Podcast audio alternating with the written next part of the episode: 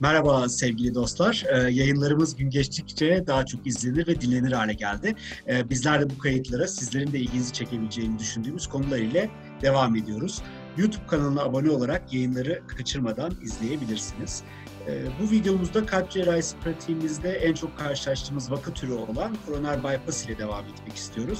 Fakat tüm bypass e, ile ilgili konuları bir yayına sığdırmak mümkün değil. E, koroner bypass yapılması gereken bir hastamız olduğunda genellikle e, hastanın bize sorduğu soru şu oluyor. Hocam stent veya balonla benim damarım açılır mıydı, açılmaz mıydı oluyor genelde. ilk karşılaştığımız soru bu. Ben de ameliyatı hakkında konuştuğum hastalardan en az %90'ında bu cümleyi duyuyorum. Ee, bir hastaya tedavisini ameliyat ile daha uygun olacağını anlatmak, e, hastanın da bu konuda size güvenini arttırmak için sağlam bir bilgi temeline ihtiyaç e, oluyor ve bu bilgi temelinde konuşmak gerekiyor. Gün geçtikçe değişen bilgilerimiz ışığında da koroner arter hastalıklarında girişimsel prosedürlerin perspektifi oldukça genişledi. E, eğer hasta girişimsel yöntemler yapılmayıp da size geliyorsa e, hali hazırda çok büyük ihtimalle stente uygun olmayan hasta oluyor. Fakat pratikte şunları da görüyoruz. 3 ve üzerinde aynı seansta stent konulmuş hastalar, saatlerce uğraşılıp açılmaya çalışılan kronik total oklüzyonlar ve distal segmentlere kadar konulmuş stentler de e, çok sık karşılaştığımız şeyler oluyor artık günümüzde. Hmm, bu hastaların çoğu da bu girişimler sonrasında var olan ameliyat şanslarını ne yazık ki yitirebiliyorlar. E, bu sebepten ötürü kardiyoloğunuzla konuşurken e, hem de hastayı değerlendirirken e, bu işin ABC'sini e, yani endikasyonlarını adınız gibi bilmemiz gerekiyor. Tabii ki elimizin altındaki bu konudaki en önemli kaynak kılavuzlar. Fakat e, şunu da unutmayalım ki karşımızda hastayı, karşımızdaki hastayı kağıt üzerinde tedavi etmiyoruz. Bizim kendi klinik deneyimlerimiz, bizden önceki klinik deneyimler, hastanın kendi istekleri de bu işte, bu işin kanıta dayalı tıbbın e, oldukça büyük bir parçası. E, kılavuzlar her zaman harfiyen uymak zorunda olduğumuz şeyler değil. E, o yüzden hastanın e, o anki durumunu net görmek lazım, düşünmek lazım, ona göre karar vermek lazım hastanın o anki durumunda bize rehberlik etsinler diye varlar. E, tabii ki en büyük dayanaklarımızdan birisi. E, tabii ki ABC'miz olarak hepsini bilmemiz gerekiyor, mutlaka bilmemiz gerekiyor. Ama mutlaka hastaya göre de karar vermek lazım. Bunu akılda tutmakta fayda var. E, Barış bize çok önemli noktaları özetleyecek. E, Barış'a da sormak istiyorum. Neden ve hangi yöntemle revaskülarizasyon yapılmalı Barış? Öncelikle merhaba. Ee, tekrardan ben de YouTube kanalımız ve podcastleri dinlemenizi tekrar hatırlatayım. Ee, bu sunum aslında biraz çok uzun olmayacak. Genel olarak Utku'nun bahsettiği gibi bilimsel veri üzerinden neyi niçin yaptığımızı kısaca anlatmak istiyorum. Çünkü günlük pratikte belki %70-80 civarında koroner bypass ameliyatlarıyla kalp damar cerrahları olarak uğraşıyoruz. Utku'nun söylediği gibi en çok maruz kaldığımız soru ameliyatsız bu hastalık tedavi edilebilir mi? Şunu, bunu şöyle özetleyeyim. Hepiniz pratikte görmüşsünüzdür muhakkak. Bir herhangi bir tıp doktoru bile e, anjiyo masasında yatarken eğer kardiyolog kendisine işin stentle halledilebileceğini, ameliyata karar gerek kalmadığını söylerse e, o doktor orada ikna olur. Yani bunu anlamak için gerçekten bir kalp damar olmak lazım. Benim her zaman söylediğim bir şey var hastalara. Bir işin teknik olarak yapılabiliyor olması hastanın faydası olduğu aldığı anlamına gelmiyor. Yani teknik olarak yapılabilir ama uzun vadede cerrahi daha uzun, daha fazla e, hastaya fayda sağlayacak ise hastayı cerrahiyi e, ikna etmek lazım. Maalesef bu hani belki kötü bir terim ikna etmek e, terimi ama doğrusu bu. Çünkü maalesef kardiyologlar daha az girişimsel işlemler yaptıkları için bizim karşımızda revaskülarizasyon konusunda biraz daha avantajlı gibi duruyorlar. Bu bir savaş değil tabii. En çok hastanın ne faydası görecekse onun olması lazım ama maalesef klinik pratikte de özellikle e, kardiyoloji tarafında farklı uygulamalar olabiliyor. Bunu söyledikten sonra revaskülarizasyon dediğimiz zaman neyi kastediyoruz? Cerrahi revaskülarizasyon ve e, perkutan girişimlerle yapılan revaskülarizasyonlar. Buradaki asıl amacımız ne? Buradaki asıl amacımız e, şikayeti olan anjina ya da anjina, e, anjina ekvivalent şikayetleri olan hastaların e, revaskülarizasyonuyla şikayetlerini düzeltmeye çalışıyoruz. Artı revaskülarizasyon ile hastaların prognozunda iyileşme sağlamaya çalışıyoruz. E, şikayetleri azaltırken nedir? Dediğim gibi anjinayı azaltıyoruz. Antianjinal tedavilerin daha az bulanmasını hastaların istiyoruz. Egzersiz kapasitelerinin yükselmesini istiyoruz hastaların.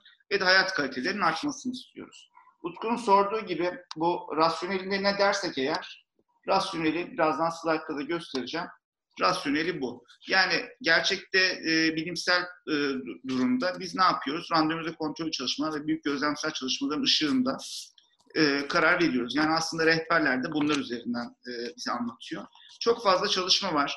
Bir kısmı eski tarihli, bir kısmı daha yeni tarihli çalışmalar. Bunları tabii ki isteyenler hem rehber içerisinden özet olarak hem de çalışmaların kendileri üzerinden izleyebilirler.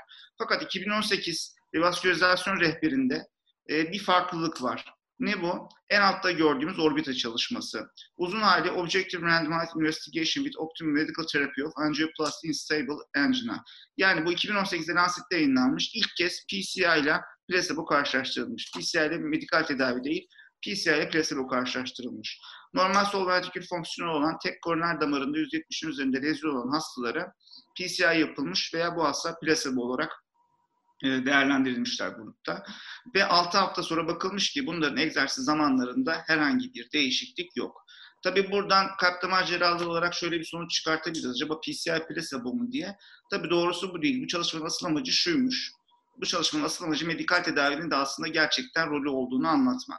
Dolayısıyla buradan PCI'nin gereksiz olduğu sonucuna varmaktan ziyade optikal, optimal medikal tedavinin revaskülarizasyon ihtiyacı olan ya da olmayan hastalarda veya revaskülarizasyon yapıldıktan sonra oldukça önemli olduğunu da e, söylemek lazım. Tabii burada peki e, endikasyonları yani rasyoneli nedir ondan bahsedelim. E, kısaca bu özellikle spot bilgi olması açısından da burada madde madde geçeceğim. Prognozunu biraz önce söyledim. Prognozun düzeltilmesi yani iyileştirilmesi için solunum koroner %50'nin üzerinde lezyon olan hastalar. Proksimal LED stenozunda %50'nin üzerinde olan hastalar. Fakat bu %50'den kastımız dokümente edilmiş iskemi olacak veya FFR yapılmış olacak 0.8'in altında olacak veyahut e, damarda 170'in üzerinde darlık olacak. Yani bu %50'nin tanımı aslında üç farklı şeye e, hitap ediyor. Daha sonra 2 veya 3 damar hastalığında eğer sol ventrikül fonksiyonları bozulmuş ise yani EF %35'in altında kalp yetmezliği sınırında ise hasta yine %50'nin üzerinde darlık olması gerekiyor. Bu %50'nin üzerindeki darlık e, yine bahsettiğim gibi bu üç damar hastalığında muhakkak bir major yani major koroner arterin kendisinin %90'dan fazla darlık olması lazım veya bu damarlardaki darlıkların dediğim gibi doküment olarak isk iskeminsinin doküment edilmiş olması ve FFR'da %80'in 0.8'in altında değer saptanmış olması lazım. Yine e, sol ventrikülün %10'undan daha fazlasında geniş alan, yani buna geniş alan diye tarif ediyoruz. İskeminin gösterilmiş olması lazım. Eğer hastanın sadece tek bir patent koroner arteri varsa bunda da %50'den fazla darlık olması durumunda prognozun iyileştirilmesi için revaskülarizasyon indikasyonumuz var. Bu hangi durumda e, PCI, hangi durumda koroner bypass olduğunu zaten biraz sonra ilerleyen slaytlarda göstereceğiz. Semptomların düzeltilmesi için ise biraz önce yine söylediğimiz gibi hemodinamik olarak ciddi yani tarif ettiğimiz şekildeki koroner stenoz olan hastalarda anjina veya anjina ekvivalent şikayetlerin optimal medikal tedaviye rağmen geçmediği hastalarda semptomların düzeltilmesi için revaskülarizasyonu öneriyoruz. Barış çok güzel bir giriş yaptın. Ben öncelikle e, sana sormadan önce şunu burada açıklığa kavuşturmak istiyorum. Burada bahsettiğin %50 çapta %50. Yani tamam. alanda %70'e denk geliyor. Evet. Çünkü ben e, kliniklerde daha önce çalıştığım yerlerde beraber çalıştığım cerrah olsun, kardiyolog olsun arkadaşlarımla gördüğüm bazı insanların anjiyoda %70'i aradı. %70 değil arayacağımız rakam %50 değil mi? Yani iki boyutlu düzlemde baktığımız zaman %50'nin üzerinde darlık olduğunda revaskülarizasyon indikasyonu bu bölgede sintigrafi ile doküment edilmiş iskemi olması lazım. Veyahut FFR yapıldığında %50'nin üzerinde %51 diyelim ki darlık var. FFR'da 0.8'in altında bir değer elde etmemiz lazım. Yani bu da iskemiyi doküment etmek için. Eğer bunlar yok ise o zaman %70'in üzerinde darlıklar Ama alan olarak yine %90'a mı denk geliyor? Evet, %90'a denk geliyor. Denk geliyor. Tamam peki.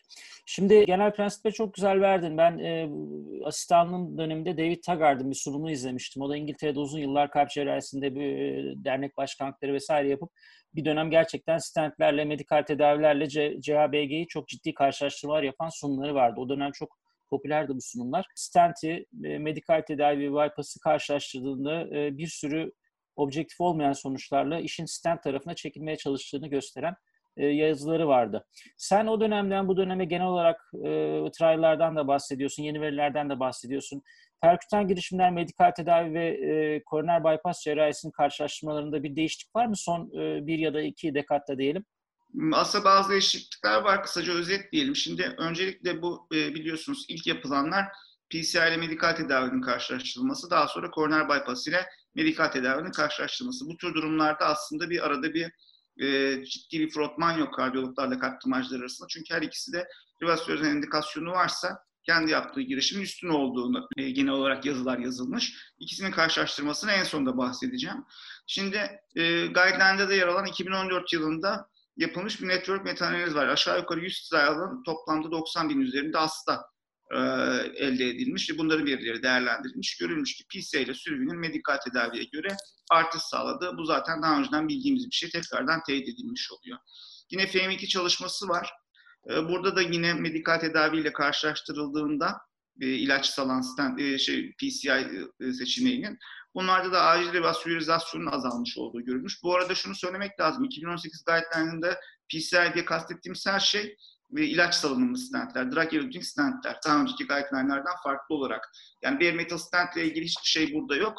Tamamen drug eluting stent üzerine geçmiş. Zaten guideline'da da PCI yapıldığında hep ilaç salınımlı stentler öneriyorlar. Peki e, koroner bypassla medikal tedavinin karşılaştırmasına geldiğimiz zaman yine 2004 yılında yayınlanmış iki tane randomize kontrol çalışmanın değerlendirildiği bir metanaliz var.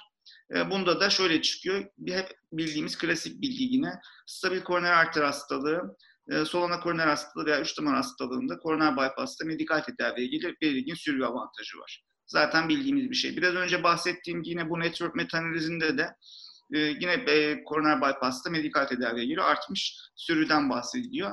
Bir de hep e, tartışmalı olarak daha önceki guideline'larda da çıkan Stitch Trial'ın yine medikal tedavi ve koroner bypass kısımları karşılaştırması var.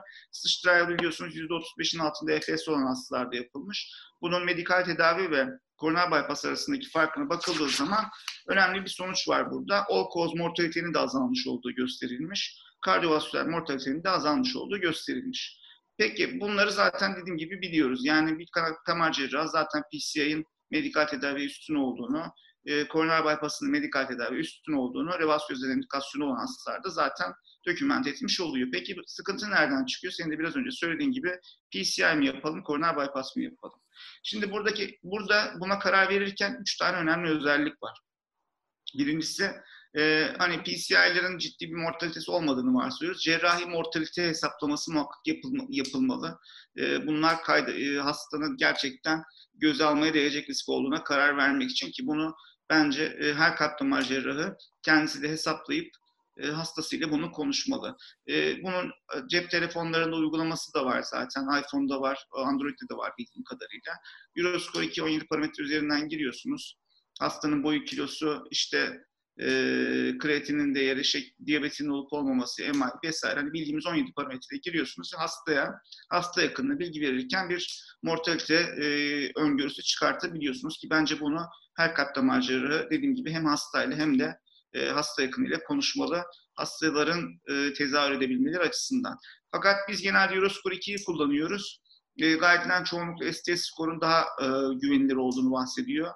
Burada şunu hatırlatmak lazım. Euroscore 2 genel olarak koroner bypass'ı biraz overestimate ediyor. Yani biraz daha riskini olandan yüksek gösteriyor. Bunu hatırlatmak lazım.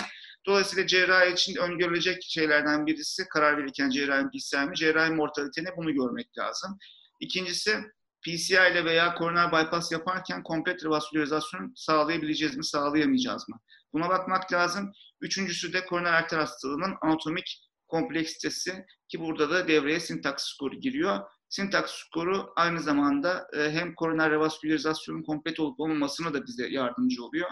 Hem de anatomik kompleksitenin e, tarif edilmesi açısından çok önemli yer elde ediyor. Ağzına sağlık Barış'cığım. Valla bugüne kadar yayınlanmış birçok e, çalışmayı bize güzelce özetledin. Bunun e, geniş bir analizini bize sundun. E, sen sintaks skorundan bahsettin. E, hali hazırda e, bildiğimiz gibi sintaks skoru e, koroner arter hastalığı tutulumunun kompleksitesini bize yansıtan bir skorlama sistemi. Tedaviye karar vermede gerek kardiyologlar gerek cerrahlar için önemli bir kriter. Bunu çok iyi biliyoruz.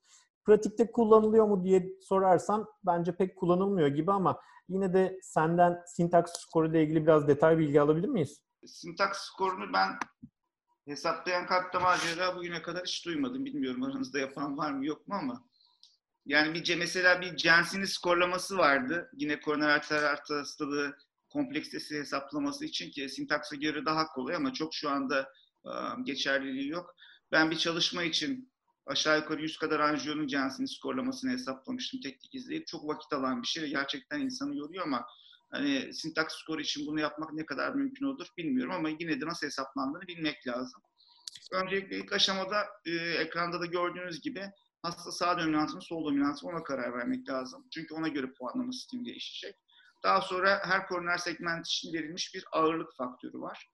Bu ağırlık faktörü dediğim gibi her segment için farklı. Daha proksimalden daha listeli doğru. Bu faktör e, rakamsal olarak azalıyor.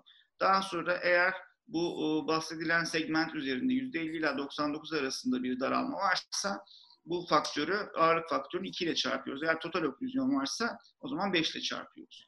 Bunun haricinde e, yine koroner segmentte eğer işte e, kör, bulant yani kör güdük varsa, e, çıkmaz yol varsa bir puan ekleniyor. Bridging olması yine puan ekliyor. E, distalde tıkanıklığın distalinde ilk segmentin görünür olması puan ekliyor. Ve yan dalların çapları yine keza puan ekliyor. Bunları hızlıca geçeceğim. Dediğim gibi pratikte çok kullanmıyoruz. Trüfikasyon lezyonlarında hastalıklı segment sayısı yine ek puan ekliyor. Bifurkasyon lezyonlarında bifurkasyon tipi puan ekliyor. Aorta ostial lezyon olması puan ekliyor. Ciddi tortuosite puan ekliyor. Lezyon uzunluğunun 20 milimetrenin üzerinde olması uzun lezyon diye zaten tarif ediyoruz. Genel olarak kendimizde kullanımda yine puan ekliyor. Kalsifikasyon varlığı, e, damar içerisinde trombos olması ve difüz hastalık ve küçük damar olması yine puan ekliyor. Şimdi bu puanların hepsi ekler toplandıktan sonra guideline içerisinde önemli çünkü. E, üç tane bir bölü üçlük diyoruz aslında tersiyel diye geçiyor ama e, 22'nin altı düşük sintaks skoru. 22 ile 33 arası orta sintaks skoru ve 33'ün üzeri yüksek sintaks skoru olarak geçiyor. Şimdi burada komplet revaskülarizasyon için sintaks çalışmasının tarif ettiğini 1,5 milimetrenin üzerinde ve %50'nin üzeri darlığı olan her damarın revaskülarize edilmesi komplet revaskülarizasyon olarak geçiyor.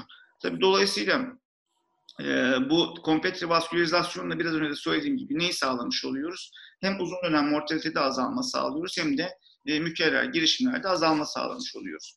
Dolayısıyla tekrardan e, söylediğim gibi sintaks skorunun buradaki asıl amacı hem kompleks sitesini koroner arter hastalığını belirlemek hem de e, komplet revaskülarizasyon yapılıp yapılmayacağını belirlemek. Barış, e, sintaks skoru hakikaten çok rutinde kullandığımız e, bir hani ezberden yaptığımız bir şey değil ama iki slide geri dönersen orada bir şey göstermek istiyorum. E, sintaks skorunun ağırlık puanlamasına bakacak olursan aslında yine dikkat ettiğimiz şeyler var. Bakarsanız artı altı olarak kırmızı e, gösterilen yer sol ana koroner. Sarı evet. olarak gösterilen yer yine ana koroner. Bir alttaki üç buçuk faktörü olan e, kırm, e, mavi olan yer e, LAD proksimal lezyon. E, onun bir altında olan yeşil de circumflex ana gövde ve LAD ana gövde. Aslında e, hani iş mantığa dayanıyor. Fakat evet. tek tek hesaplayan ben de duymadım. Ben de şahsen şimdiye kadar hiç o şekilde hesaplamadım. Sana şunu sormak istiyorum. Şimdi koroner bypass cerrahisinin indikasyonları bizim bir abimiz derdi. Sınavda soruyorlarsa bil ki o sınavı iyi gitmiyordur diye. Gerçekten çok değişken. Nereden baktığınıza bağlı. Objektif e, olma durumunda hakikaten çok net bilmeniz gereken şeyler. E, koroner bypass cerrahi indikasyonları. Kabaca hem asistan arkadaşlarımıza hem yeni uzman arkadaşlarımıza özetlemek açısından e, sen sana sorulsa koroner arter bypass cerrahisi indikasyonlarını nasıl aktarırsın karşı tarafa? Şimdi öncelikle pratik yine guideline içerisinde pratik bir tablo var. Bunun üzerinden gitmek istiyorum. Ee, öncelikle tek damar hastalığı. Bu arada biliyorsunuz sen tek damar hastalığı derken bazen asistan arkadaşlar için özellikle söyleyeyim. Hani LAD ve diagonal tutulma yine tek damar hastalığı. Biz tek damar hastalığı derken e, tek ana gövdeden bahsediyoruz. İki damar hastalığı dediğimiz LAD veya sağ LAD circumflex gibi veya circumflex sağ gibi. Üç damar hastalığı dediğimiz zaman üçünün birden tutulmuş olması. E şimdi tek damar hastalığında eğer proksimal e, LAD stenozu yok ise e, koroner bypass'tan ziyade PCI ön planda. Bu konuyla ilgili zaten çok tereddüt edecek bir şey yok aslında. Proksimal LAD stenozu olduğu zaman ise koroner bypass'la PCI guideline'da eşdeğer olarak e, gösterilmiş. Fakat şunu hatırlatmak lazım burada. Her ne kadar her ikisi de eşit, eşdeğer ağırlıkta gösterilmiş olmasının sebebi ikisinde de nihai e, mortalitenin e, ve MI'nin aynı olması. Fakat mükerrer girişim ihtiyacı e, PCI yapılan hastalarda tek damar proksimal LAD stenozlarında PCI ile daha fazla. Bunu da hatırlatmak lazım. İki damar hastalığına geldiğimiz zaman yine benzer biçimde aslında tablo. Proksimal LAD stenozu yok ise eğer yine PCI ön planda, e, koroner bypass çok daha geri planda. E, proksimal LAD stenozu eğer varsa iki damar hastalığında e, koroner bypass ön planda, PCI ikinci planda kalıyor. 1C olarak tarif edilmiş. E, şimdi burada Ya solana koroner lezyonu çok önemli tabii. Solana koroner lezyonunda nasıl karar vereceğiz? Solana koroner lezyonundaki tartışma her zaman her kongrede var. Ee, yine birazdan ben de söyleyeceğim bu konuyla ilgili bir şey. Fakat önce tablo üzerinden gitmek istiyorum. Solana koroner e, lezyon hastalarda eğer sintaks skoru düşük ise yani 22'nin altında ise PCI ve e, koroner bypass eşit ağırlıkta 1A olarak önerilmiş. Eğer sol ana koroner lezyonu var hastada ve e, orta derece orta sintaks skorlu ise eğer sınıflandırmalı 23-32 arasında ise koroner bypass 1A olarak önerilmiş. E, PCI 2A niteliğinde guideline'da. Sol ana koroner lezyonunda eğer sintaks skoru 3'ün üzerindeyse yani daha yaygın hastalık ise o zaman koroner bypass ön planda 1A olarak e, PCI zaten bu tür durumlarda önerilmiyor. Şimdi ya, fakat şunu hatırlatmak lazım yine solunum koroner lezyonlarında yapılan randomize kontrolü çalışmalarda gösterilmiş ki PCI yapıldığı zaman her ne kadar 5 yıla kadar ki bu kompozit ölüm, MI ve stroke oranları birbiriyle eşit olsa bile repeat revaskülarizasyon, mükerrer revaskülarizasyon ihtiyacı PCI ile daha fazla. Bu önemli olduğu için burada ismini vermek. Bu Noble Trial'da bakıldığında yine non-prosedürel MI, stroke ve repeat revaskülarizasyonun PCA ile daha fazla olduğu görülmüş. Ama işlem sırası ve sonrasındaki uzun dönemdeki mortaliteler aynı olduğu için guideline'da da bir aya geliyor ki bunu en son tartışma kısmında herkes özellikle tahmin ediyorum. Bu solunma koronerdeki PCA uygulamaları hakkında e, muhakkak bir şeyler söylemek isteyecektir. Bu üç numara hastalığına gelecek olursak nasıl bir durum var? Üç numara hastalığında hastalar tabii iki gruba ayrılmış durumda. Çok ayrıldıkları için. Diyabet olan hastalar ve diyabeti olmayan hastalar. Şimdi diyabeti olmayan hastalarda eğer üç damar hastalığı varsa düşük sintaks skorunda yine koroner bypassla e, PCI ön planda gözüküyor. Üç damar hastalığında e, eşit planda gözüküyor. Üç damar hastalığında eğer orta veya yüksek sintaks skoru var ise o zaman burada tekrar özellikle altını çizmek istiyorum. Koroner bypass ön planda PCI önerilmiyor. Yani üç damar hastalarında sintaks skoru orta veya yüksek ise PCI önerilmiyor, bypass öneriliyor. Düşük sintaks skorunda birbiriyle eşdeğer. Üç damar hastalığında hastalarda eğer diyabet var ise işte diyabetik hastalarda sintaks skoru düşük ol, olduğunda dahi koroner bypass ön planda PCI yapılabilir. 2B indikasyon. Ee, üç damar hastalığında yine sintaks skoru orta veya yüksek ise o zaman koroner bypass yapılmalı. PCI yapılmamalı. Yani üç damar hastalığında her halükarda sadece düşük sintaks skorunda PCI uygulaması önerilebilir. Ama 3 damar hastalarında hasta diyabetik olsa da olmasa da yüksek, orta yüksek sintaks skorlarında koroner bypass ön planda e, sadece düşük sintaks skorunda koroner bypass'ın yerine PCI'de yapılabilir. Şimdi burada tabii önemli bir şey var. Bu tabloyu gerçekten kardiyologlara göstermek lazım. Çünkü biliyorsunuz hep beraber çalıştığınız kliniklerde herkes 3 aşağı 5 yukarı görüyor. Hastanın diyabetik olup olmadığını bakılmadan 2 damar, 3 damar hastasına stent konup hatta biz sana bypass eşdeğeri işlem yaptık gibi sözcükler bile kullanılabiliyor ki hasta o zaman diyor ki o ben çok güzel ameliyattan kurtuldum. Ama dediğim gibi başta bunu muhakkak hatırlatmak lazım. Hastalara da söylemek lazım. Nedir burada önemli olan? Teknik olarak yapılabiliyor olması hasta için uzun dönemde fayda getireceği anlamına gelmiyor. Yani LAD proksimal lezyonu, sağ koroner atıyorum mid %90 lezyonu, bir tane de OM lezyonu olan bir hasta düşünelim. Bu hastanın 3 lezyonu da spot olsun ve bu hasta diyabetik olsun. E, bu hastaya stent konabilir mi? Evet. Yani tarif ettiğim lezyonlarda çok da tecrübeli bir girişimsel kardiyolog olmadan da bu lezyonlara stent konulabilir. Peki koyduk uzun vadede hasta için gerçekten ciddi ciddi e, faydalanacağı bypass cerrahisinden hastayı feragat ettirmiş oluyoruz. Dolayısıyla dediğim gibi bunu, bu tür hastalarda özellikle e, çok ciddi şekilde kardiyologlarla bilimsel zeminlerde de tartışmak lazım kliniklerimizde ve hastalar için en faydası olacak e, şeyi muhakkak e, söylemek lazım. Peki buradaki tabloda yine özetleyecek olursak e, hangi durumda PCI, hangi durumda CABG? Kısaca diyabet olan hastalarda, çok damar olan hastalarda, düşük ventrikül fonksiyonlu hastalarda ve e, koroner arter hastalığı kompleksitesinin arttığı, e, sintaks daha yüksek olduğu hastalar CABG tarafına giderken e, diyabeti olmayan e, daha az damar hastalığında ve normal sol ventrikül fonksiyonlarında aşağı yukarı PCI tarafına gittiğini hatırlatmak lazım. Ağzına sağlık Barış. Ee, bize özellikle e, kılavuz bilgisi üzerinden özellikle PCI ve CABG şeklinde karşılaştırmalı önerileri bize verdiğin için teşekkürler. Ee, bizim için daha açıklayıcı oldu. Hangi durumda hangisi daha iyi, hangi durumda hangisi daha kötü olabilir. Bu açıdan önemli. Ee, az önce biraz bahsettin enfes düşük hastalar diye. Bu bizim için çok daha kritik hasta grubu. Birazca bunu biraz da bunun detayına girebilir misin acaba? Kronik kalp yetmezliği olan koroner arter hastalarında hangi tedaviyi seçmek daha uygun olacaktır diye? Tabii e, şimdi kronik kalp yetmezliği olan hastalarda yani EF'nin 35'in altında olduğu hastalarda bakacak olursak eğer koroner arter hasta, alanı e, girişim için e, uygun ise bu cerrahi de olabilir, PCI de olabilir, revaskülarizasyon indikasyonu var. Bu hastalarda eğer e, kabul edilebilir cerrahi risk var ise ve çok damar hastası ise bu hastalar, bu hastalarda koroner bypass'ı ön planda tutmak lazım. PCI'yi 3 damar hastalarında değil, tek ya da 2 damar hastalarında eğer kompleks revaskülarizasyonu sağlayabilecek ise düşünülebilir. Bunun haricinde eğer diyabeti varsa hastanın, e, gençse ve yine dediğim gibi yaygın koroner arter hastalığı varsa cerrahiyi ön planda tutmak lazım. Tabii bu arada e, bu hastalarda revaskülarizasyon haricinde e, sol ventrikül küçültme ameliyatları da endike olabiliyor.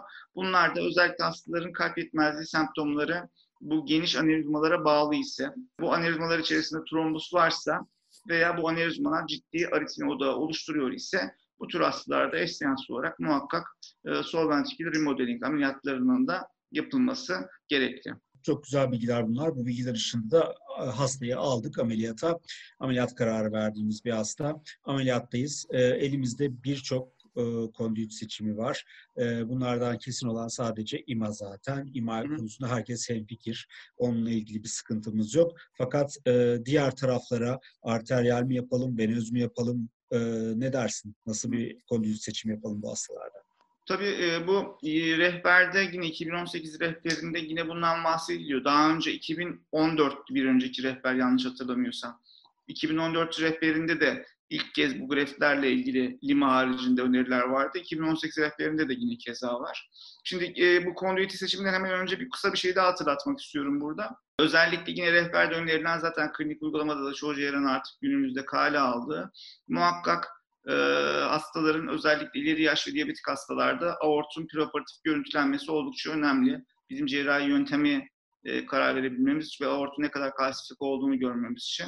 Yine klasik eski e, kitap bilgisi e, cerrahi intraoperatif e, epiaortik ultrason yapılarak yine e, aortik plakların veya kalsifikasyonların varlığı ve kanülasyon ve e, proksimal yansımalı için yerlerin seçimi açısından yine önem arz ediyor. E, ve e, bunun haricinde 2018 guideline'de önerilen yine rutin intraoperatif greft akımı yani bu transient time flow meter ile fakat bu hani hangi klinikte Türkiye'de ne kadar var gerçekten bunu şey yapmak lazım. Biz daha önce bir almak istemiştik ama oldukça da pahalı. Ee, bununla ilgili tartışma kısmında zaten konuşuruz. Ama konduit kısmına gelecek olursak her zaman altın standart tabii ki Lima LAD'ye yapılacak. Bunun haricinde uygun hastalarda arteriyel greft tercih edilmeli ama uygun hasta derken genel olarak söylediğimiz tabii ki yüksek derecede stenozlar.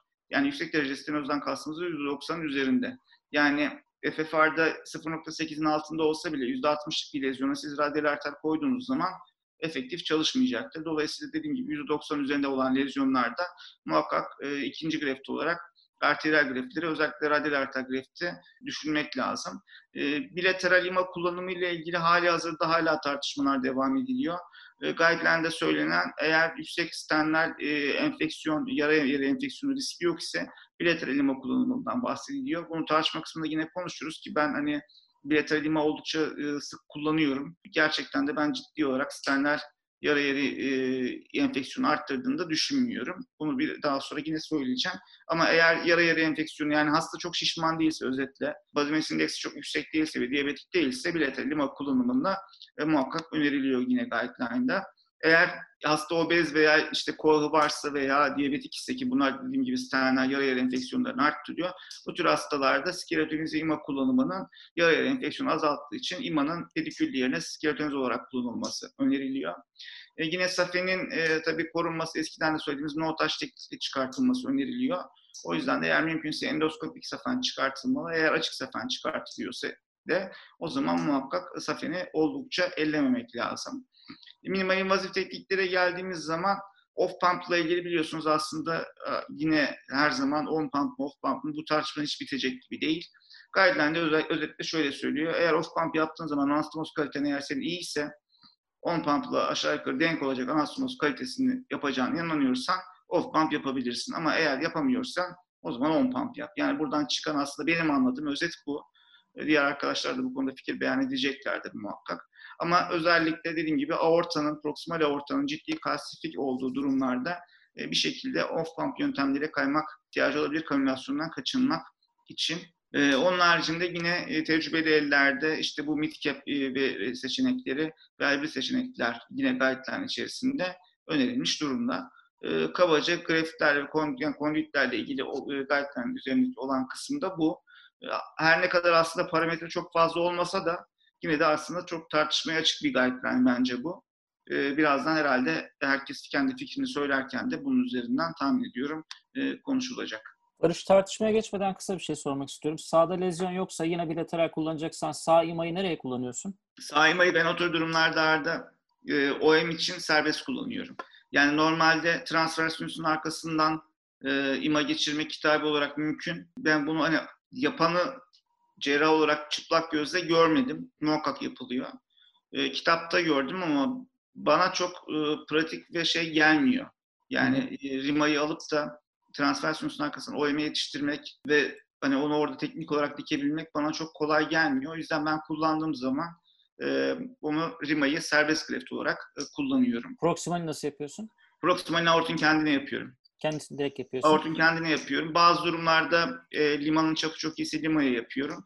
Veya bazen e, çoklu damarlarda safenin başka e, graftin safenine yaptığımda oluyor öyle söyleyeyim. Rima'yı... Çünkü burada şöyle bir şey var. İma growth da, e, flow adaptasyonu yapabildiği için radyal arter gibi değil. Yani çok yüksek e, stenozlu darlığa değil de daha düşük stenozlu darlıklara limayı kullanmak mümkün.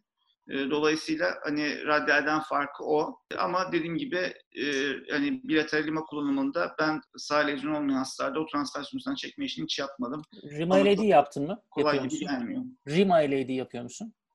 Rima LAD hiç yapmadım. Teknik olarak mümkün. Rima LAD'ye çekip limayı OM'e çekmek de mümkün tabii. Arada bir fark yok. Ha bu arada şunu söyleyeyim. Proximalini aorta ya da başka bir grafte yaptığınız imanın e, uzun dönem patensisi e, normal bildiğimiz pediküllü imadan çok farklı değil aslında. E, bilimsel olarak da onu da hatırlatmak lazım herhalde burada. Ardacığım ben araya gireyim. Ee, senin söylediğini bir hastada biz uyguladık. Redo bypass cerrahisi uygulayacağımız hastada e, Lima LAD'si gitmiş bir hastanın e, LAD distaline hemen anastomoz distaline Rima'yı alıp iskeletinize çıkartarak boya avantajını kullanarak e, o şekilde bir bypass pedikülü yerinde bırakarak yapmıştık. Ama genel olarak e, pek tercih edilen bir yöntem değil. Çünkü RED'e uygulanacak hastalarda e, sternotomiyi tamamen e, imkansız hale getiren bir teknik olduğu için pek uygulanmıyor. Onun dışında zaten Barış açıklık getirdi. E, bizde hala hazırda birazdan bahsederim. Çok fazla bilateral lima kullanımı olmamakla birlikte benim Almanya'da gittiğim merkezde de en sık uygulama tekniği tabii T ve Y gret şeklinde sol tarafa yaparaktan ikisini birbirine dikerekten yani limanın üzerine e, rimayı yaparaktan anastomoz yapmak. E, genel kullanım bu şekilde. Yine birçok merkezde RCA'da çok kritik darlık yoksa RCA için genelde safeni tercih ediyor açıkçası. Şimdi şöyle bir şey söyleyeyim ben arada Utku'ya söz vereceğiz herhalde şimdi ama Şimdi bilateral ima ile ilgili bir kere e, kesin olarak doküment edilmiş bir gerçek var. Sürü avantajı sağlıyor aslında. Yani bu konuyla ilgili hiçbir tereddüt yok. Fakat bilateral ima kullanıldığında yine keza yani BIMA derken sağ, sağ internal normalin arterin kendisi ve radyal arterin de proksimal anastomozları eğer serbest kullanılacaksa bunlarla ilgili bir konsensus yok. Bunlarla ilgili bir randevuda kontrol çalışma da yok. Nereye yaparsak sağ, patensi artacak mı artmayacak mı diye ama sonuçta temel olarak işte H-graftler, T-graftler yapmak mümkün. E, aortanın kendisine yapmak mümkün. Veya diğer arteriyel grafting yine radyal arter olabilir bu. Proximalde çok tercih edilmiyor ama safen graftleri yapmak mümkün ama dediğim gibi bunların sonuçları arasında e, ciddi bir fark yok. O yüzden o biraz daha cerrahın e, kendi tercihine kalmış durumda. Tek bir şey söylemek istiyorum burada. Normal lima kullanımında özellikle bu operasyonlarda e, imanın orta hatta kalmasından kaçınmak için rutin uygulamada perikard pencere yapmakta fayda var. Yani bunu her klinik yapmıyor bildiğim kadarıyla. İmanın kendisini alıp direkt perikardın üzerinden e, LAD'ye çekmektense perikardı lateralde frenikstirinin anteriorunda e, bir pencere yani vertik daha doğrusu düz bir pencere açarak koterle imayı oradan geçirip LAD'nin üzerine dikmek reoperasyon sırasında sizi gerçekten greft hasarlanmasından kaçındırıyor. Çünkü özellikle genç hastalarda koroner bypass yapıldığında bu hastanın ileriki evrelerde sinir aort darlığına bağlı AVR'ye gitmesi veya ömür uzadığından dolayı reoperasyon koronere gitmeleri oldukça mümkün. Dolayısıyla onlar da greft hasarından kaçınmak için bu perikardiyal pencere cerrahın vaktini almayacak. Hani ek bir süre e, gereksinimi olmayacak. Çok kolay ve tecrübe gerektirmeyen çok kolay bir işlem. O yüzden bunu herhalde e, hemen her cerrahın uygulaması lazım diye ben kendi şahsi fikrimi sunayım burada. Ben çok kısa bir şey ekleyeceğim o dediğine. Perikardiyal pencere biz de rutin uyguluyoruz. Perikard penceresini açma dışında benim daha önce çalıştığım kliniklerde gördüğüm perikardı ortadan V şeklinde yarıp ondan sonra kalan üstteki dokuyu e, bir dikişle tutturmak gibi oluyor.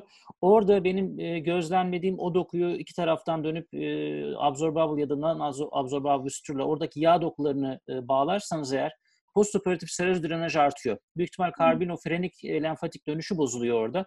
Benim genelde gözlemlediğim o. Ben dediğine katılıyorum perikard penceresi işine. E, orada da benim eklemek istediğim şu ki posterior perikard penceresinde bu hastalarda ben rutin olarak açıyorum. Çok ciddi faydası olduğunu düşünüyorum. Ki zaten literatürde bir sürü çalışma var. AF, drenaj, tamponat gibi şeyleri azalttığına dair.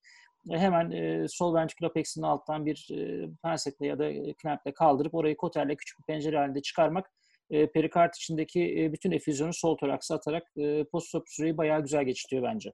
Teşekkürler Barış. Ee, şimdi ben e, bir arteriyel revaskülarizasyon kısmına dönecek olursak bütün arkadaşların dediklerine açıkçası katılıyorum ama e, burada bir öz eleştiri yapmak gerekirse ben birazcık daha konvansiyonel olarak gidip e, safen kullanan bir e, safen kullanan taraftayım ama şöyle düşünüyorum açıkçası radyal yerine safen, safen yerine bilateral ima gibi düşünüyorum. Çünkü radyal arterden de bayağı sıkıntılar çektiğimiz dönemler de oldu. O açıdan çok haklısın. Yüksek stenoz olmadan e, hiçbir şekilde radyali kullanmamak gerekiyor. E, özellikle bizim de yaptığımız bir çalışma var bununla ilgili. E, sağda %90, solda optus e, anastomozlarında ise %70'in üzerinde mutlaka bir darlık olacak ki bu radyal arteriniz çalışsın. Ama radyal arterle ilgili şöyle şeyler de var. Güzel solüsyonlar da var kullanılabilecek. E, bazı formülasyonlar var. Onlarla da bu kullanılabilir ama benim tercihim e, radyal e, venöz greften yine bir tık altta gibi ama bilateral ima konusunda bütün dediklerinize katılıyorum. Kullanılması gereken özellikle uzun dönemde de sağ kalım etkisi olduğu da gösterilmiş bir greft. Ee, peki şimdi hani ben de bilateral ima dediğim gibi hani sıklıkla kullanıyorum ama sağ koroner arterin çapının bilateral ima kullanımında imanın sağ konacak ise önemli olduğunu düşünüyorum. Çünkü bazen hakikaten sağ koroner arter çok cılız oluyor. Yani revaskülarizasyon uygulama çok cılız oluyor. O tür durumlarda ben yine yani kendi tecrübem e, RIMA'yı sağ koroner arteri değil de diğer grefleri kullanıp e, bu daha ince olan sağ koroner arterin kendisine safen koymak e, lehinde oluyor. Yani safen koroner arterin çapı sağda ima kullanımı benim klinik e, uygulamada değiştiriyor. Onu da söyleyeyim. Sizin fikriniz ne bu konuda? Gayet e, mantıklı. Zaten sağ koroner çok farklı sol sisteme göre düşündüğümüzde o akım morfo akım e, paterni de farklı bir greft. O yüzden orada birazcık daha dikkatli olmak lazım dediğin gibi. Eğer inceyse kan almayabilir. E, o yüzden sefer kullanmak belki de daha iyi olabilir. Ben şöyle diyebilirim. E, sağ koroner arter için çap kısmına katılıyorum. Ben şunu da biraz yani sağ mamarya indirdiysek sağ tarafta, rima'yı indirdiysek e, onun gerçekten değmesi gerekiyor. E, yani kullandığın yerde e, uzun vadede çalışması gerekiyor diyeyim kabaca. Sağ koroner arterde akım az olduğu dönemde bir kere arkadaşlarımıza şunu, şunu iletmekte fayda var. İMA'nın erken dönemde akımı SAFEM'den daha az. İmanın özelliği uzun dönem patensinin yüksek olması. Yani orada e, sağ koroner arterde hakikaten kan alamayacak çapı az bir durum e, göz önündeyse eğer o zaman Rima'nın e, gerçekten bende sağda harcanmaması gerektiğini düşünüyorum. Katılıyorum sana. Hali hazırda bizim yaptığımız bütün koroner revaskülarizasyonda uzun dönem sonuçları en belirleyen şeyler tabii ki de grev seçimi olmakla birlikte distal yatağın önemi. Yani distal yatağı kötü olan bir hasta siz oraya hangi grefti koyarsanız koyun e, uzun dönem patensi iyi olmayabilir. Bu açıdan bütün düşüncelerinize katılıyorum. Yani sizin revaskülerize edeceğiniz bölgedeki çap ve akım paterni iyi olmayan bir yere senin için uzun dönem etkinliği yüksek olacak bir grefte harcamamakta fayda var diye düşünüyorum. Buna kesinlikle katılıyorum. Bizim klinik uygulamalarımızdan bahsedeyim. Ee, biz klasik Clinton ameliyatını yapıyoruz. Clinton ameliyatı ne? Bir lima, iki safen. Bizim hala hazırda abilerimizden öğrendiğimiz klinik tecrübemizde iskeletinizasyona geçiş olmadı. Olmadığı için biz hala e, pediküllü greft olarak çıkartıyoruz. Bir lima ve geri kalanı safen olarak yapıyoruz. Çok selektif hastalarda ikinci e, imayı, rimayı çıkartıp kullandığımız olgular oluyor mu? Oluyor ama genel olarak bunu yapıyoruz. e, biz biraz daha Utku gibi konvansiyonelciyiz açıkçası. Hala hazırda şöyle söyleyeyim, dürüst olmak gerekirse ben tek başıma hiç radyal çıkartmadım. Yani o, o, o şekilde söyleyeyim size. ihtiyacımız olmadı. Safen'le veya başka vengraflerle bir şekilde bunu e, idare ettik diye düşünüyorum. Sequential graftleme. Sequential graftleme ile ilgili guideline'de bir şey yok ama sequential graftlemenin kendisi çok, oldukça efektif. Yani birçok yayında da e, patenslerini arttırdığı üzerine e, çok ciddi yazılar var. Ben de inanıyorum sequential graft'i de mümkün olduğunca yapmak istiyorum. Fakat sequential graft'te biraz önce Serkan'ın söylediği gibi distal alan çok önemli. Yani sequential graft'te sıralama hiçbir zaman anatomik sıralama değildir. İşte sequential nereye? Diagonal, diagonalden OM2'ye sequential. İkili sequential çektik. Teorik olarak yapılabilir, pratikte de yapılabiliyor. Fakat çalışır mı çalışmaz mı tereddüt. Çünkü niye? Her zaman graftin en distalindeki e, anastomoz yaptığımız bölge e, teritorisi runoff'u en iyi olan bölge olmalı. Yani eğer diagonal 1'in runoff'u OM2'den fazlaysa o oradan akımı çalacağı için siz diagonal bir OM2 sequential yaptığınız zaman OM2'nin kanlanması kafi miktarda olmaz. O yüzden maalesef klinik uygulamada çoğunlukla gördüğümüz e, tek grafti alarak hatta sağ posterolateralden OM 1-2 diagonal diye üçlü dörtlü sequential'lar yapıldığı zaman karşımıza çıkacak sonuç istediğimiz sonuç değil. Distal runoff'u en iyi olan bölge sequential'da en distalde olması gereken bölge. Eğer böyle değilse sequential yapmanın aslında hiçbir faydası yok. Anatomik dediğim gibi anatomik sıralama e, proksimalden distale doğru sequential'ın sıralaması olmamalı rutinde. İki şey söyleyeceğim Serkan'ın söylediğiyle ilgili. Birincisi e, distal yatağın ne olduğu diye bir cümle açarsan ben orada şunu söylerim sana. Hastanın daha önceden stentlenip stentlenmediği. Stent sonrası distal yatağın perişan olduğuna dair bir sürü yayın var. Evet, ee, en sonunda benim söyleyeceğim bazı şeyler olacak onunla ilgili. Onun için şu anda bunu hani kapatalım. Ee, sonra konuşuruz. İkincisi e, Barış da bana katılacaktır. Hani beraber daha önce ihtisas yaptığımız için e, oradan biliyorum. Lima çıkarmak çok hayati. Şimdi iskelet çıkaralım diye bir kenara atmak her zaman mümkün olmayabiliyor. Yani bir daldaki intramural hematom o, imanın tamamen kullanılamaz hale gelmesine sebep olabiliyor. Ee, Barış'ın da kendi kliniğinde hala kullanacağı imayı kendisini çıkardığını biliyorum. İma çıkarmak çok hayati. Yani o imayı hakikaten hematom yaratmadan dallarını güzel klipleyerek, spazmdan uzaklaştırarak, birinci interkosteri mutlaka görerek Varsa lateral torasik arteri mutlaka klipleyerek çıkarmak çok hayati. İskelet ve iskelet olmayan konusunda ben de şuna katılıyorum. Ee, en çok en iyi nasıl çıkardığınızı biliyorsanız yaralamadan uzun dönemde problem yaratmayacak şekilde çıkarmaya devam etmenin çok sakıncası olmadığını düşünüyorum. Bir dönem klinik uygulamada biz şey yaptık. Boydan boya alttan fasyasını açıyorduk. O bayağı bir alttan vertikal olarak bir 90 dereceyle e, fasyasını gidebildiğiniz kadar açarsınız. Hem boy avantajı sağlıyor hem e, hani rahatlatıyor diyeyim kabaca. Ee, ben de tek başıma öyle çok fazla iskelet çıkartmadım. Birkaç tane iskelet çıkarttım. Ee, ama genelde hani e, pediküllü gref konusunda yıllardır çıkarıyoruz. İnsanın eli tecrübesi bir şekilde gelişiyor. Arda'nın dediği şurada çok önemli nokta. Hakikaten evde e, koroner bypass, bypass sonrası evde ani ürünlerin en büyük sebebi erken dönemde bu e, harvesting sırasında ima hasarına bağlı olan küçük duvar hematomları. Yani özellikle antiagregan kullanan hastalarda bunların e, hani zaman içerisinde erken dönemde büyüyüp gerçekten ani ima ve oklüzyonu ve dolayısıyla lima ile yakının tamamen kesilmesi sonucunda ani ölümlere sebep olduğu gösterilmiş. O yüzden hakikaten lima çıkartılması çok çok önemli. Peki size bir soru sorayım herkesin fikrini almak için. Lima'nın dallanma bölgesini klipliyor musunuz? Bir de lima e, eleyde anastomozu yapacağınız zaman limayı ne kadar açıyorsunuz? Distalini kullanıyor musunuz? Ben şöyle cevap verebilirim. Ee, biz klinik uygulamamızda mamareyi çıkarttıktan sonra e, önce arteri kanüle ediyoruz. Arteri kanüle ettikten sonra distalden e, dallanmayı geçecek şekilde kesiyoruz. Ondan sonra içine papaverin veriyoruz ve onu buldokla ucundan kapatıyoruz. Beslenme o sırada devam ediyor. Ondan sonra e, dalları kontrol ediyoruz haliyle. Burada en önemlisi hakikaten proksimali çok net bir şekilde freniyi koruyarak lateral torasik arter ve birinci interkostal arteri görmek. O şekilde onu e, kullanacağımız ana kadar bulldogla içinden kan geçecek şekilde beslenmeye devam edecek şekilde son ana kadar koruyoruz. Ondan sonra e, sahaya getirdiğimizde e, en distalinden bifurkasyonu geçecek şekilde dönüyoruz. Yani bifurkasyon distali ben kendim de hiç kullanmayı sevmem. E, proksimaline gelmek iyi oluyor. E, eğer boyla ilgili bir problem yoksa olabildiği kadar kısa bir greft kullan. Yani kısa derken yanlış anlatmak olmasın. Uzun bırakmamak diyelim. Uzun bırakmayacak şekilde kullanmak ve en geniş yerini en geniş e, LED sahasına yapmak en doğru yaklaşım diye düşünüyorum. Ee, ben genel olarak şöyle yapıyorum. Ee, limayı hiçbir zaman o en aşağıdaki bifurkasyona kadar çıkartmıyorum. Bifurkasyonun hemen aşağı yukarı yarım santim, bir santim öncesinden e, distali klipliyorum ki e, aşağıdan kolateral dolaşımı bozmamak için. Çünkü ileride bu hastanın periferik arter hastası olabileceğini düşünerek e, ciddi bağlamda. Yani o bifurkasyondan hemen yarım santim, bir santim öncesinden klipliyorum. İmayı ayırıyorum. İmayı ayırdıktan sonra imayın distaline klip koyuyorum. Ve e, daha sonra anastomoz yapana kadar böylece oranın hani hem şişmesini, imanın da spazm olmamasını sağlamak için. Daha sonra cerrahi sahaya getirdiğim zaman da genel olarak çapın tatminkar olduğu yere kadar e, açıyorum ve o tatminkar olduğu yerden imayı yapıyorum. E, ardından dediğim gibi çok çok aşırı uzun kalmamasında e, fayda var ama hani arteriyel greft ima için hani uzun kalsa da çok bir sıkıntı olmuyor. Sonuçta kink olmuyor, akım etkilenmiyor vesaire. Hani makul boyda, makul çapta olduğu yerden anastomosu yapıyorum öyle söyleyeyim.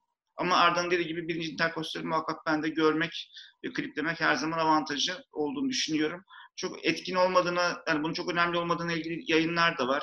Özellikle minimal tekniklerde biliyorsunuz sadece son 3-4 dal interkostal e, kliplenerek kullanıldığında normal e, birinci interkostale kadar çıkartıp klipini kullananlarla potansiyel arasında ciddi bir fark olmadığını gösteren yayınlar da var ama yani bilmiyorum herhalde o klasik bilgi e, şeyinden ben de birinci interkostali her zaman görüp kliplemeyi tercih ederim. Utku. Barış haklısın. Birinci interkostal konusunda aslında öyle yayınlar da var. Minimal invazivde, robotikte. Robotikte gerçi çıkartılabiliyor. Robotikte evet. çok daha ileriye gidilebiliyor ama minimal invaziv torakotomi ile yapılan e, bypasslarda o kadar da çıkarıldığını zannetmiyorum. E, bizde yeni öğrenen asistanlarımıza veya bu işi yapan asistanlarımıza ben e, birinci interkostal konusunda çok da e, girişimci olmalarını bazen önermiyorum açıkçası. Yani göremiyorsa, gidemiyorsa gitmesin diye söylüyorum. Kendim için kendim evet mutlaka ayır, ayırıyorum onu ama e, veya bir asistanım çıkarıyorsa girişimci olmasını söylemiyorum. Neden? Çünkü süperyen beni yaralama gibi bir risk de var orada. O zaman öyle bir durum olduğunda da iş çok daha sarpa sarabiliyor açıkçası. E, distal konusunda Barış'la aynı fikirdeyim. Bifürkasyon çıkarmaya gerek yok. Bence bifürkasyon bir santim üzerine kadar gidilse yeterli. E, biraz önce de konuştuk. Bazı boy uzatma teknikleri var. Perikardın içerisinden pencere olarak geçirme teknikleri var. Bunların hepsi boy açısından bize avantaj sağlayan teknikler. E, uzun olmasının tek sıkıntısı e, şu olabilir. Arteriyel greft olduğu için evet bir sıkıntı olmayacaktır büyük ihtimalle ama e, eğer perikartta pencere açmadıysanız orta hatta gelebilir imanız içerideyken. Onunla ona dikkat etmekte fayda var. E, onun dışında anastomoz açısından mümkün olduğunca küçük yapmaya çalışıyorum aslında anastomozları. Bizim e, abilerimiz e, çok büyük anastomozlar açarlardı. Ben de çok net hatırlıyorum onu ama e, ben mümkün olduğunca e, 3 milim civarında bir anastomoz yapmaya çalışıyorum. Daha, daha büyük bir anastomoz yapmıyorum. Teşekkürler bilgilendirmeleriniz için. Burada benim asıl vermek istediğim mesaj şuydu. Ee, bildiğimiz bildiğimiz üzere limanın uzun süre açık kalmasının en büyük nedenlerinden birisi yapı itibariyle, elastik katmanı itibariyle e, ateroskleroza olan direnci. Bu yüzden lima eleydi anastomozları sıklıkla açık kalıyor tabii ki de LAD'nin distal yatağının özellikle septal arterlerin vesaire çok yaygın olması, distal ronafının genel olarak iyi olması bunda avantaj ama daha çok ateroskleroza direnci. Kitabı bilgi Lima'nın bifurkasyondan önceki 1-2 santimlik segmentinde Lima'nın patolojik yapısı değişip değiştiği için bu bölge birazcık daha ateros ateroskleroza yatkın. O yüzden zaten hali hazırda sıklıkla distal bölgesi bir miktar daha bizim için çap olarak daha uygunsuz oluyor ama çap olarak uygun olsa bile eğer ki yeterli boyunuz varsa 2-3 santim geriye gelip oraya anastomoz yapmanızda fayda var. Özellikle asistan arkadaşlara e, bu konuda bu bilgiyi vermek istiyorum. Benim asıl bu soruyu sormamdaki amaç buydu. Çok kısa bir şey ekleyeceğim e, bununla Aha. ilgili. Bazı abilerimiz vardı ben asistanken e, bifurkasyondan sonrasını da isterlerdi bizden. Bir santim kadar sonrasını da isterlerdi. Hatta bir abimiz şöyle demişti. E, limayı nasıl kullanacağımı ben bilirim. Bifurkasyondan sonraki çatalı belki de limaya yapacağım. Diğer tarafı da diagonale yapacağım. Bu şekilde kullananlar da olmuş zamanında açıkçası.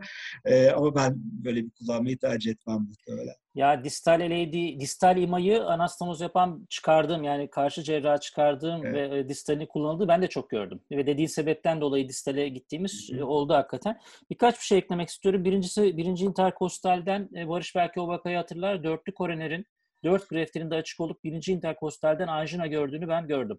Anjina yaşadığını. Hakikaten birinci interkostalden inanılmaz bir steal sol kol er- eforu arttığında ve hasta efora çıktığında oradan bir reverse akımla kaçtığını gördüm. Birinci interkostali çok önemsiyorum. Hatta bir görüşe göre e, frenik taraftaki dalların da biz kliniğimizde rutin klipliyoruz onları. Bir görüşe göre fakat frenik taraftaki o ince dalların kliplenmesi postoperatif frenik sinir e, hasarı, iskemik olarak frenik sinir hasarına yol açabildiğine e, dair yayınlar var. Onun için yapmayan, e, rutin kliniklerde uygulanmayan e, yerler olduğunu da biliyorum. İMA ile ilgili tekrar şunu hatırlatmak isterim. Erken dönemde İMA'nın akımı Safen'le karşılaştırılabilir bir akım, akım değil. İMA'nın akımı adaptif bir akım ve İMA'nın avantajı uzun dönemde patens avantajı. Onun için erken dönemde İMA'ya maksimal flow'u sağlamak için e, olabilecek bütün dalların e, kapatılması gerektiği taraftarıyım. Bir de asistan arkadaşlarımız için şunu öğretme, e, hatırlatmakta fayda var. Winslow yolu, Barış'ın bahsettiği Evet. bifurkasyonu açık bırakma yolu. Winslow yolu çok önemli. Şöyle ki geçenlerde bir tane bize anjiyo danıştılar. E, daha önceki 2015'te bypass yapılmış bir hasta dış merkezde. 2015'te yapılan anjiyoda terminal aorta oklüzyonu nedeniyle ima kullanılmamış. Ameliyat notunda ufak bir yanlışlık var. Ondan dolayı bu ima koronere gitmiyor diye bizi çağırdılar.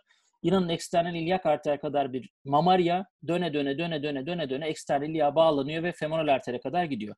Bu yolun adı Winslow yolu. Bununla beraber üst sistemle alt sistem arasında birkaç yol daha var. Bunlardan bir tanesi de Riolan arkı. Özellikle e, o yollarla periferik dolaşımın sağlandığı vakalar söz konusu. Hatta belki yine Barış hatırlar bir tane terminal aorta oklüzyonu lörüş olan hastada e, biz gözümüz kapalı, kapalı limayı çıkardığımızda bir hafta içinde e, yani böyle 20 çarpı 30 santim falan bir dekübit açıldığını ben hatırlarım. Onun için hastanın periferik nabızlarına bakmak çok önemli. Hastanın e, sol sağ kol tansiyon farkı. Biz rutin bakıyoruz 20'den fazlaysa sol sağda 20'den e, fazla düşükse yani 20 düşükse sol taraf o zaman subklavyen başını görüntülemeden mamaryayı kullanmak istemiyoruz.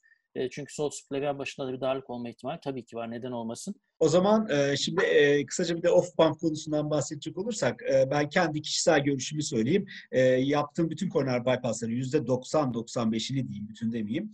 E, pompada yapıyorum, cross clamp altında yapıyorum. Anastomoz kalitesi açısından ben çok daha uygun olduğunu düşünüyorum. Düşük HF olsun, başka türlü problemler olsun. Ama tabii ki off pump e, ortada bilinmesi gereken bir konu.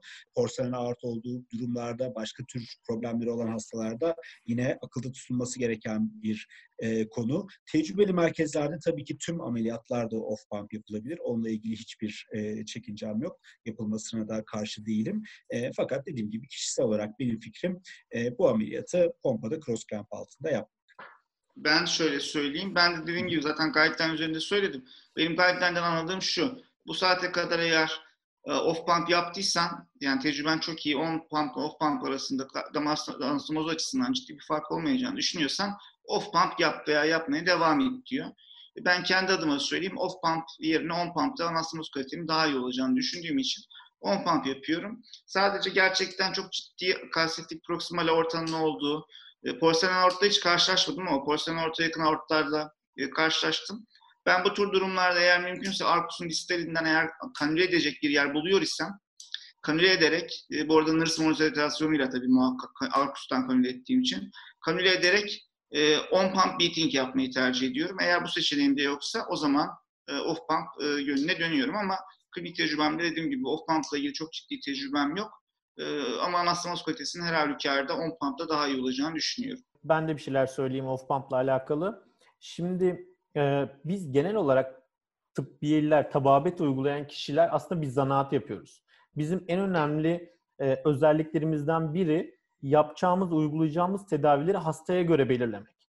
E, ve elimizde e, güçlü silahlarımızı tutup gerektiği yerde o güçlü silahları kullanmak.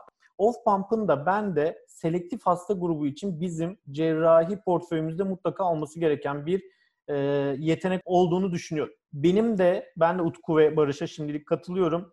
E, Off pump bizim portföyümüzde var, benim portföyümde var. Selektif hastalarda mutlaka bunu uyguluyoruz. Yani çok kreatini çok yüksekse, akciğeri kötüyse, kanama riski yüksekse, aortokalsifikse bu hastalar için bu tedavi modalitemizi mutlaka hazırda tutmamız lazım diye düşünüyorum. Ama onun dışında hiçbir risk faktörü olmayan bir hastanın pompaya girmesi açısından bir kontraindikasyonu olmayan ki miyokard koruma tekniklerin bu kadar ilerlediği dönemlerde hastaya hiçbir zarar verdiğini düşünmüyorum. Ama şunu da çok iyi biliyoruz ki e, hastalarımızdan da bunu anlıyoruz. Off pump yaptığımız hasta eğer sorunsuz bir bypass operasyonu geçirdiyse on pump hastalarına göre recovery'si yani iyileşmesi, kendine gelmesi, uyku düzeni, yemek, iştah bunların düzelmesi on pumplara göre bir miktar daha kısa oluyor. Hastaya böyle bir avantaj sağlıyor. Ama benim hala hazırdaki güncel e, uygulamam eğer ki on pump için bir kesin kontraindikasyon yoksa, yüksek bir risk yoksa tekli veya çoklu e, off pump yapabilmek.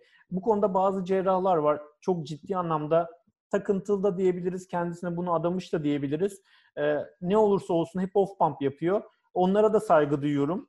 O da yapılabilir ama e, ben kendi uygulamam olarak bahsettiğim şekilde hasta seçimi benim için önemli.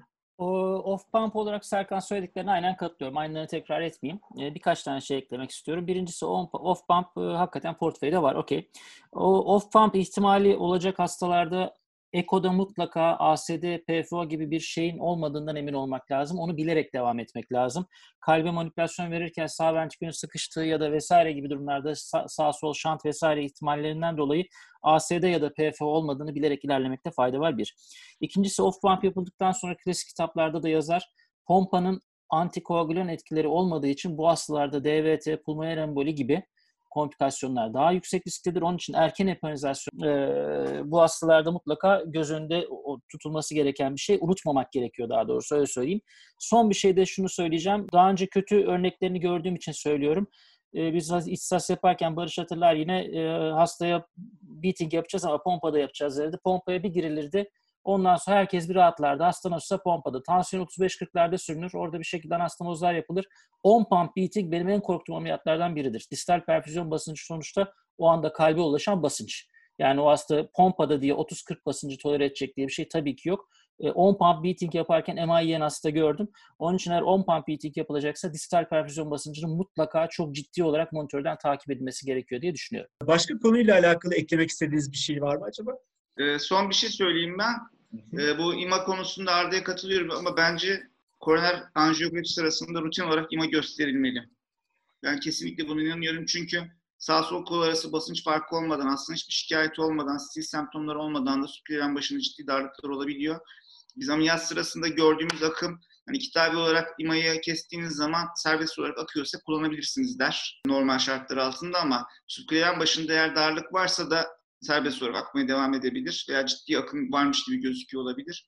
Dolayısıyla ben muhakkak e, gösterilmesi konusunda taraftarım. Genel olarak da kardiyologlardan bunu talep ediyorum. Çok uzatmıyor işi. Bence kolay bir aşama. Olmaz olmaz bir kere olur ama gerçekten insana için çok önemli olabilir. Onu söylemek istiyorum. Bir de böbrek hastalarında yine ima kullanımında hastanın kronik böbrek yetmezliği hastalarda eğer sol kolunda fistül varsa imayı serbest kullanmak lazım. Çünkü gerçekten e, Sucleven sendromu olabildiği gibi koronerden de fistül özellikle diğer sırasında çalarak ciddi miyokardiyal iskemi yapabiliyor. Bununla ilgili çok ciddi yayınlar da var. Etkilemediğine dair yayınlar da var ama e, rutin olarak eğer e, hastanın sol kolunda eğer fistül varsa ima kullanılacaksak serbest kullanılması hasta açısından uzun dönemde daha avantajlı olduğunu düşünüyorum. Ben e, Barış sen anlatırken bazı notlar aldım. Onlarla ilgili birkaç bir şey eklemek isterim hazır konuyu açmışken. Ee, bir kere bizim artık hani hepimiz koroner konusunda erişkin kalp cerrahisinin en önemli adımı olan koroner konusunda belli tecrübe hepimiz sahibiz burada. Onun için bu guideline'ların üzerine de kendi tecrübelerimizle ilgili aktaracağımız birkaç bir şey olacağını düşünüyorum. Birincisi e, öncelikle her şeyden her şeyin başında elimizde bir hasta var. Ben meslek hayatında birkaç tane eriye diye bir şey yapmadan e, başka koronere greft koyduğumu hatırlarım. Mesela izole bir sirkumfleks izole bir RCA darlığı olan hastayı sırf bu iki damar için safen koymak üzere açtığımızı bilirim. E, orada hakikaten e, hastanın ne olduğu, hasta üzerinden gidip hastayı değil, pardon anjiyoyu değil hastayı ameliyat ettiğimizi hiçbir zaman unutmamak gerektiğini düşünüyorum. Burada e, kalp cerrahisinin her zaman şansı ve şanssızlık olması arasında çok ince bir çizgide yer yer alan e, kardiyoloji ile ilişkilerin akademik anlamda da çok güzel devam etmesi gerekiyor. e, kardiyoloji hani tabiri caizse insanı rezil de edebilecek, vezir de edebilecek bir bizim yan yana çalıştığımız bir branş. E, şimdi Barış demin de nazik söyledi hani e, kalp kardiyoloji anjiyo laboratuvarında duyduğu e, cümlelerle ilgili ben çok daha ağır formlarını duydum. Bir kere eskiden hatırlarsınız e, aynı zamanda stent konmazdı eş zamanlı. Hastaya anjiyo yapılırdı. Cuma günü konseye gelirdi. Konseyde stent kararı olursa bir sonraki seansta stent konulurdu. Hastaya dormikum yapıp ondan sonra kendi kulaklarımla e, duyduğum için söyleyeceğim bunu. Dormikum altındaki hastaya biz sana dörtlü bypassını burada mı yapalım yoksa seni verelim yarsınlar gibi cümleleri duyduğum için hastalar açısından en doğru kararın orada verilmeyeceği çok bariz. E, mecbur hizmette çalışırken biz e, biraz kontrolden çıkmıştı mesela işler. Bahsettiğim guideline'ın aynısı üzerinden başhekimlikten bir yazı çıkartıp şu şu şu şu şu durumlarda orada kalp cerrahı olmadan stente ilerlenmeyecektir diye kardiyologların önüne koyduğumuzu biliyorum. Yani hakikaten hasta için e, en doğrusunu yapmakta, birebir beraber çalışmakta fayda var. Ben hani haklarını da yemeyeyim. Şu anda beraber çalıştığım kardiyolog arkadaşlarım bu açıdan e, son derece bizle iletişim halindeler. E, hasta için en iyisini yapmak e, üzere devam ediyoruz. Son bir şey daha söyleyeceğim. Demin söylediğiniz işte anjiyo alınan hastalar, işte diyabet bile olup olmadığı bilmeden ekosuz hastalar giriyor anjiyoya. Ya bunların hakikaten primer hariç, acil şartlar hariç anjiyonun da stentlemeye devam etmesi durumunda hastanın profilli bilerek yapılması gereken bir işlem olduğunu e, düşünüyorum. Teşekkürler Arda. Aslında üzerinde çok çok çok fazla konuşulabilecek bir konu. Yani bu kısa yayın hepsi için yetmez. Ee, koroner bypass'ı niye yapıyoruz, neden yapıyoruz ee, ve yaparken neleri kullanıyoruz? Bunlardan kısaca bahsetmek istedik. Ee, tüm arkadaşlarıma çok teşekkür ediyorum. Bir sonraki yayında görüşmek üzere. Hoşçakalın. Hoşçakalın. Hoşçakalın. Hoşçakalın.